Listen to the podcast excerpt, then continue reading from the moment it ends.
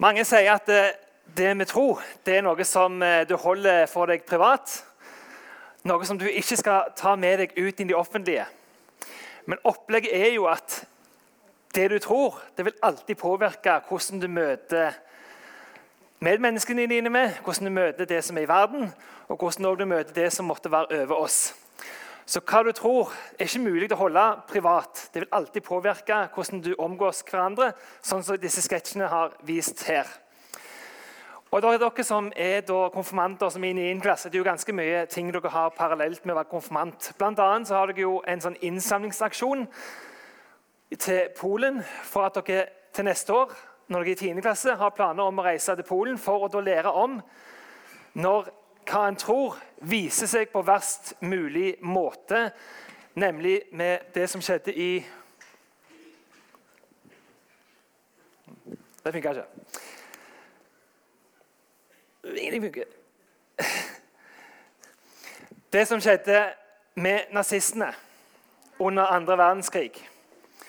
For Utgangspunktet for hva som skjedde, var trua som de som kalte seg nazister, hadde på at de var overlegne, at de hadde rett til større Libensrom, altså rundt eh, større landområder rundt det landet de hadde, og at enkelte menneskeraser og typer skulle utryddes fra menneskeheten, hvor bl.a.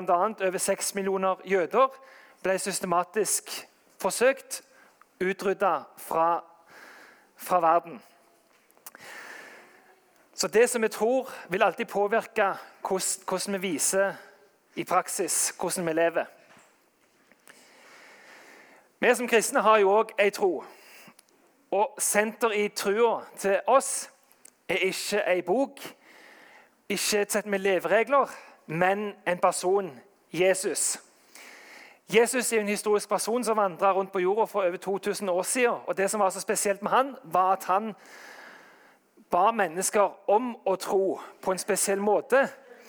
Og Da henviste han ikke til noe utenfor seg sjøl, som alle influensere og sånne får gjøre. De henviser jo til ting utenfor seg sjøl, produkter de vil gjerne selge, eller livsråd de vil gi. Men Jesus pekte på seg sjøl. For Jesus var ikke bare et vanlig menneske, men han var òg sann Gud. Og For oss som er kristne så er Jesus sentrum i forhold til hvem han var, og etter hva han sa, i forhold til hvordan vi prøver å leve livene våre ut ifra denne trua på den han var.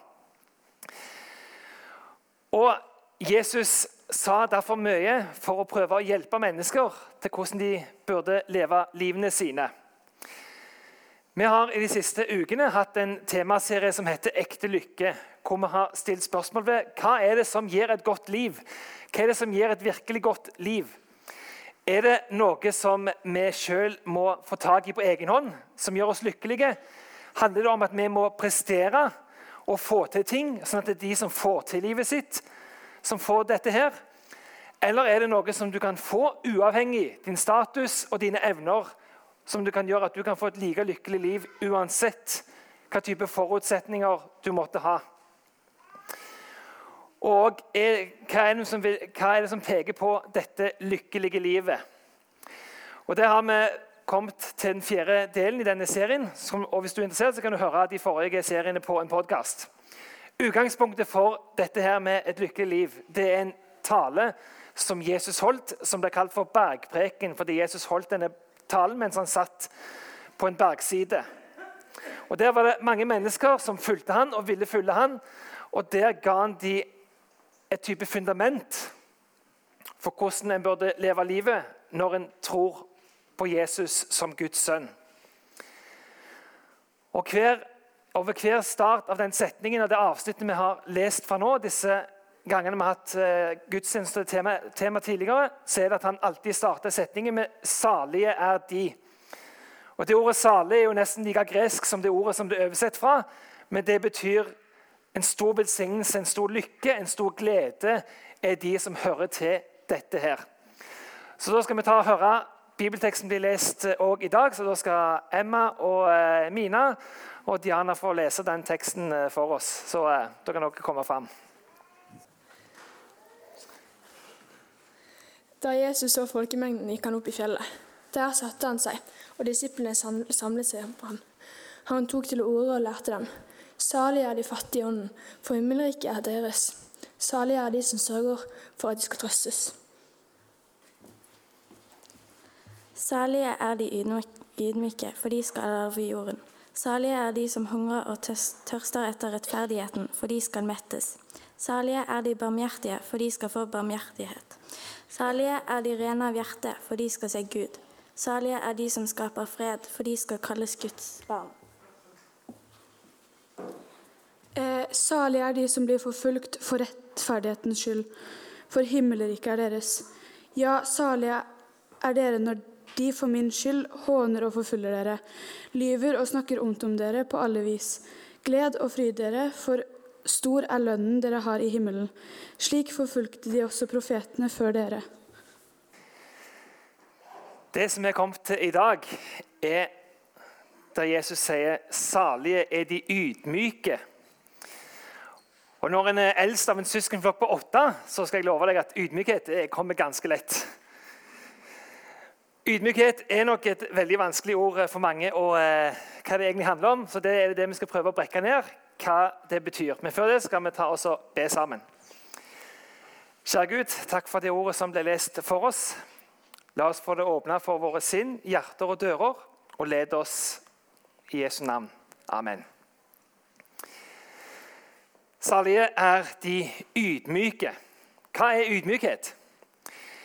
Jesus han pekte på ei tru som går oppover, utover og innover. Og Dette med ydmykhet har som et første punkt ei tru som går oppover. Ydmykhet, det, å være, det, å, det er at du er åpen. Når du møter hverandre, så er du ikke lukt eller låst, men du møter hverandre med en type åpenhet. Og Først handler det om å møte Gud med en åpenhet. Det å anerkjenne at det fins noe mer enn bare oss som sitter her. Enn bare med det som du bare kan se direkte med øyet ditt. Ydmykhet er først ei tro oppover. En oppover for å ta imot og være åpen for at det fins en Gud som vil møte deg. En Gud som har skapt deg og gitt deg livet. Og Ydmykhet er òg å si ja til det som Jesus spurte disiplene sine om å gjøre, nemlig om å følge han. For det var det Jesus ga som en utfordring, og som han gir også som en utfordring i dag. Følg meg. Så Hvis du har et ydmykt sinn, så er du åpen for at det er noe mer. Hvis du har motsatt av ydmykt sinn, da er du lukka og tenker at det er ikke noe mer enn det du direkte kan se. Ydmykhet er òg tro, som jeg sa, utover.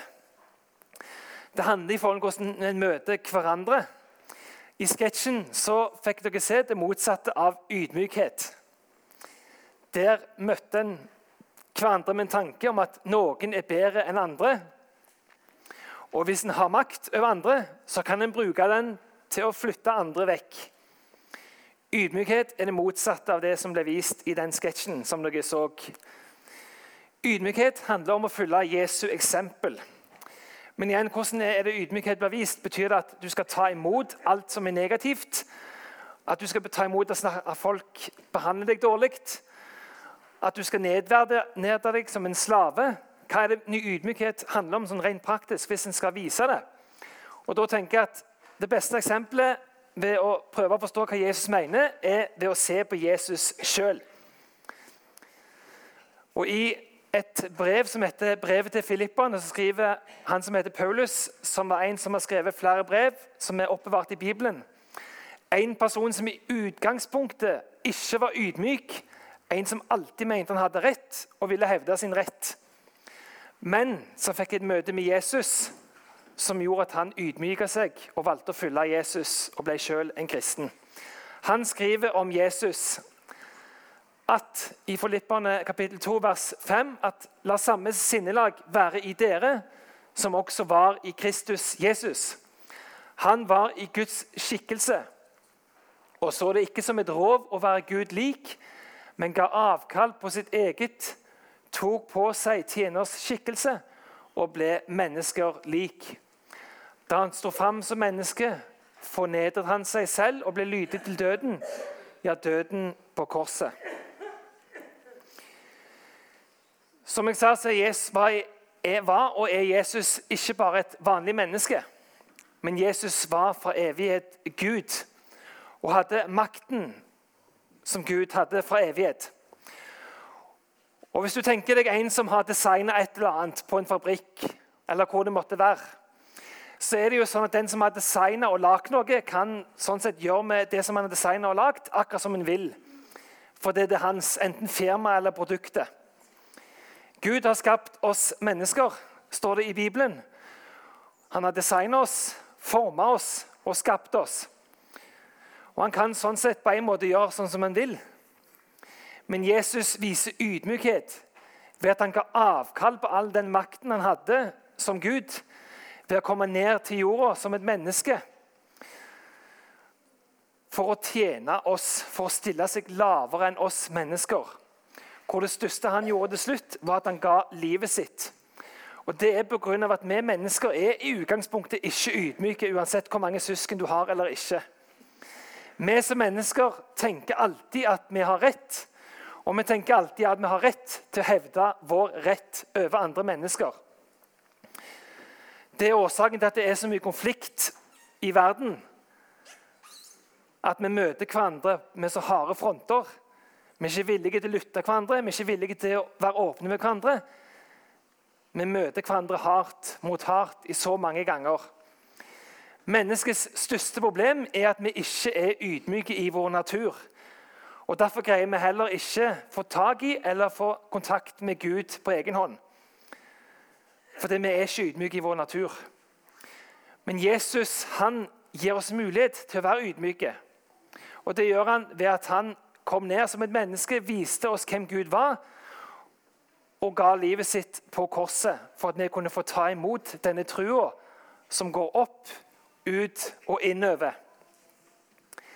Så uten Jesus greier vi ikke å være ydmyke og i forhold til å leve eller være åpen og ta imot noe fra Gud.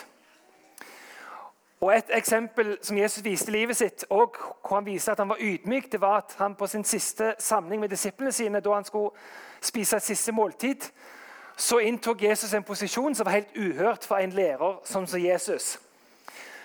For når en skulle komme til måltid, så var det sånn at eh, når en kom inn i et, uh, i et eh, lokale, så var det første en gjorde, det var å vaske føttene sine. fordi at En hadde jo ikke sånne Nike og Adidas-sko eller hva det måtte være.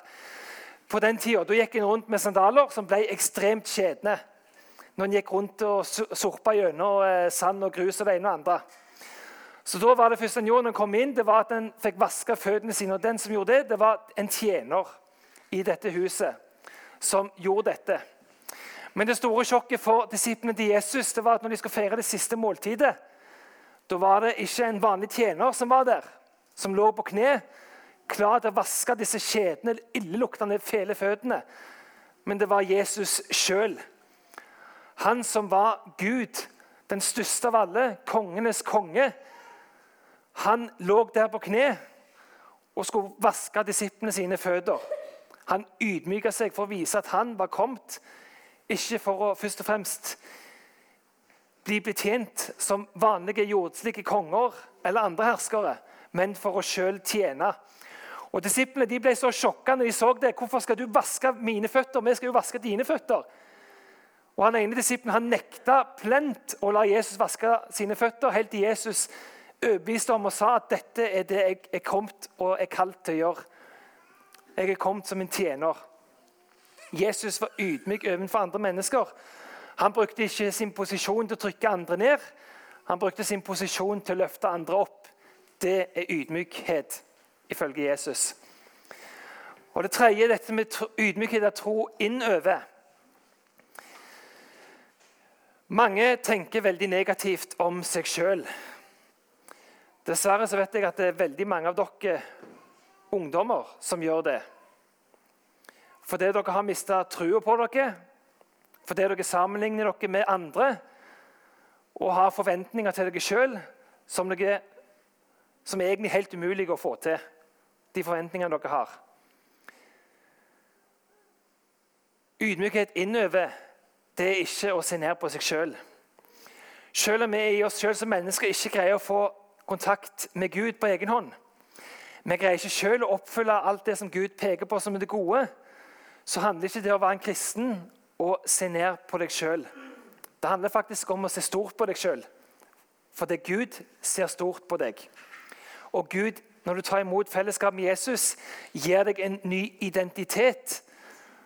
Hvor du kan være sikker på at du skal tenke stort om deg sjøl. For den identiteten du får, er ekstremt stor. Johannes, som var en av Jesus' disipler, han skriver om den identiteten han får. Der skriver han at alle de som tok imot Jesus, alle de som tok imot han, dem ga han rett til å bli Guds barn. De som tror på hans navn. Hvis du skal få deg en, en eller annen stor tittel i et firma, eller også kanskje til og med i en familie, så må du prestere og vise deg god nok til det. Du må prestere og vise at du kan dette her. Jesus gir oss denne tittelen ikke ut ifra hva vi får til, men fordi at Gud er bare god. Gud gir oss det ut ifra det ordet som kalles nåde. Det er noe som blir ufortjent, noe som gir oss fordi at Gud elsker oss og vil ha fellesskap med oss. Og Gud syns at alle dere er, som er her, er verdifulle. Uansett om du vil ta imot denne statusen eller ikke.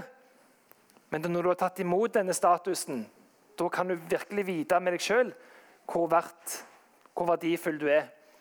Og det gjør du ved at Gud han er én, men han er samtidig tre. Som jeg nevnt, Han er en Gud som er i himmelen, som kalles for vår far. Jesus og så Den hellige ånd. Og Når du tar imot Jesus, så får du en del av Gud i deg, Den hellige ånd i livet ditt. Og Den hellige ånd gir deg da en sikkerhet om at du er et Guds barn. Den hellige ånd lar deg få vite at du har fått en ny status og identitet. Hvor du ikke lenger trenger tvile på om du er verdifull eller ikke. Salig er de ydmyke, for de skal arve jorden, var jo hele setningen. Hva betyr dette her, jorden? Å arve jorden, hva det er for noe? Hva er det du får hvis du er ydmyk? Jorda det er her ikke det som vi ofte tenker som et sånn geografisk landområde som mennesker har gjennom hele historien og fortsatt i dag kriger om å eie og kontrollere. Jorda som Jesus peker på, det var noe mye større. Det er mer prega av ikke geografi, men av menneskene som er til stede på steder. Det handler om mennesker som har sagt ja til å være et Guds barn, og som lever ydmykt med hverandre. Ydmykt overfor Gud, ydmykt overfor hverandre og ydmykt mot seg sjøl. Det er en plass som allerede er midt iblant oss. Som er i Flekkefjord, som er i Stavanger, som er i Kristiansand, som er i Norge, England, Frankrike. Som er over hele verden, der det er mennesker som er ydmyke overfor Gud. Og Samtidig er det en plass som ikke er kommet fullt ut. For det, handler om noe som vil skje en gang i framtida, når Jesus vil komme tilbake igjen. Jesus han dro fra disiplene på det som vi kaller for himmelfartsdagen. Men Jesus vil en dag òg komme tilbake igjen. Og Da vil det ikke være tvil om at Jesus er konge og er Gud, sånn som vi går rundt og tviler på nå. Og Da vil det være sånn at selv om det er mange som tror på Jesus, så er vi fortsatt del av et samfunn med mye sykdom, død og elendighet og sorg. Men når Jesus kommer tilbake, så vil det være en plass som bare er preget av Guds kjærlighet. Derfor er det det står i Bibelen størst blant dem er kjærligheten. Men i forhold til det å leve ydmykt med hverandre som praktisk, så vil jeg til slutt trekke fram ett eksempel. Martin Luther King jr. Han levde fra 1929 til 1969. Han var en amerikansk pastor som var ydmyk overfor Gud, overfor mennesker rundt seg og overfor seg sjøl. Han levde i en tid i USA hvor det var veldig mange som trodde at de som hadde mørk hudfarge, var mindre verdt enn andre mennesker. Og Grunnen til han trodde det, var jo bl.a. at en hadde henta de mørke menneskene fra land som slaver. Hvor de ble behandla som dyr, kanskje verre som dyr. Og denne her trua på at de var mindre verdt, den satt i veldig mange mennesker. Så fordi de trodde at disse med mørk hud var mindre verdt, så var det busser, restauranter, som var bare forbeholdt de som hadde lys hud, skoler. Og Martin Luther King han var ydmyk, men han ville ikke at denne situasjonen skulle fortsette. Så han samla en haug med mennesker for å forsøke å få endra dette samfunnet. Men han samla ikke disse menneskene til å ta opp våpen og til å bruke makt, men til å gå i fredelige protestmarsjer for å nekte å godta den urettferdige situasjonen som var i Amerika på denne tida. Og Det var Gud som hadde vist ham hva han skulle gjøre, og det var Gud som drev ham til dette. her. Og Jeg skal bare vise den siste talen som han har holdt, hvor han sier om det som ligger foran, og noe av utgangspunktet til hvorfor han fortsatte med denne kampen.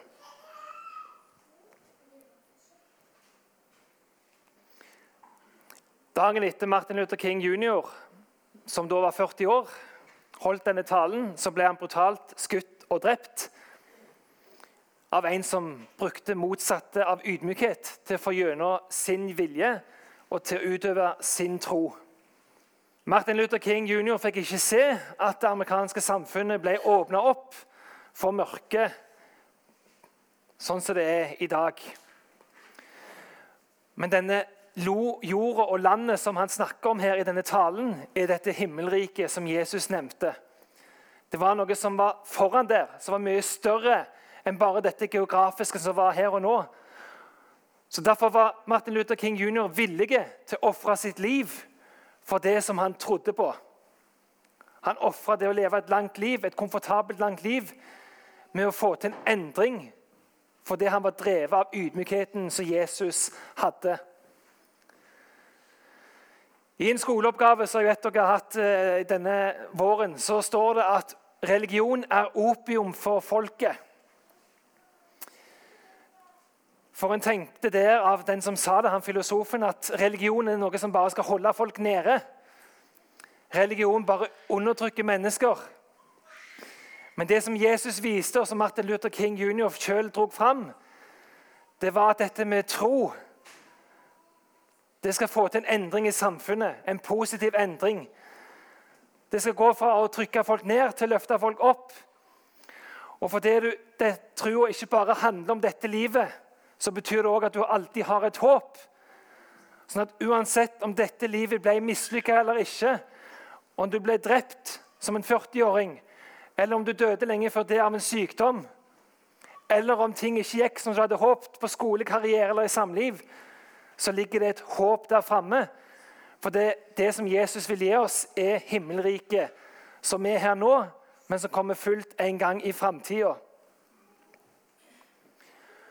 Og med alt annet i denne verden så blir ikke det gitt til den som har makt eller kraft til å ta ting til seg. Det blir ikke gitt til den som utnytter systemet, men den blir gitt til den som er ydmyk overfor Gud, overfor hverandre og overfor seg sjøl så får en det som en gave fra Gud. Det aller største du kan få, det som livet virkelig handler om, det får du i ydmykhet. Ikke fordi at du kaver det til deg. Det er det Jesus vil lære oss, med at salige er de ydmyke, for de skal arve jorden. La oss sammen be.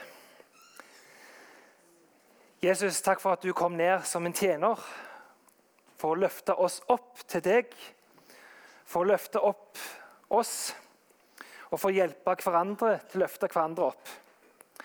Hjelp oss, Jesus, til å se den verdien du ser i oss, og hjelp oss til å se hverandre sånn som du ser oss. Hjelp oss til å se oss som elska, og hjelp oss til å leve som dine barn i din kjærlighet. Amen.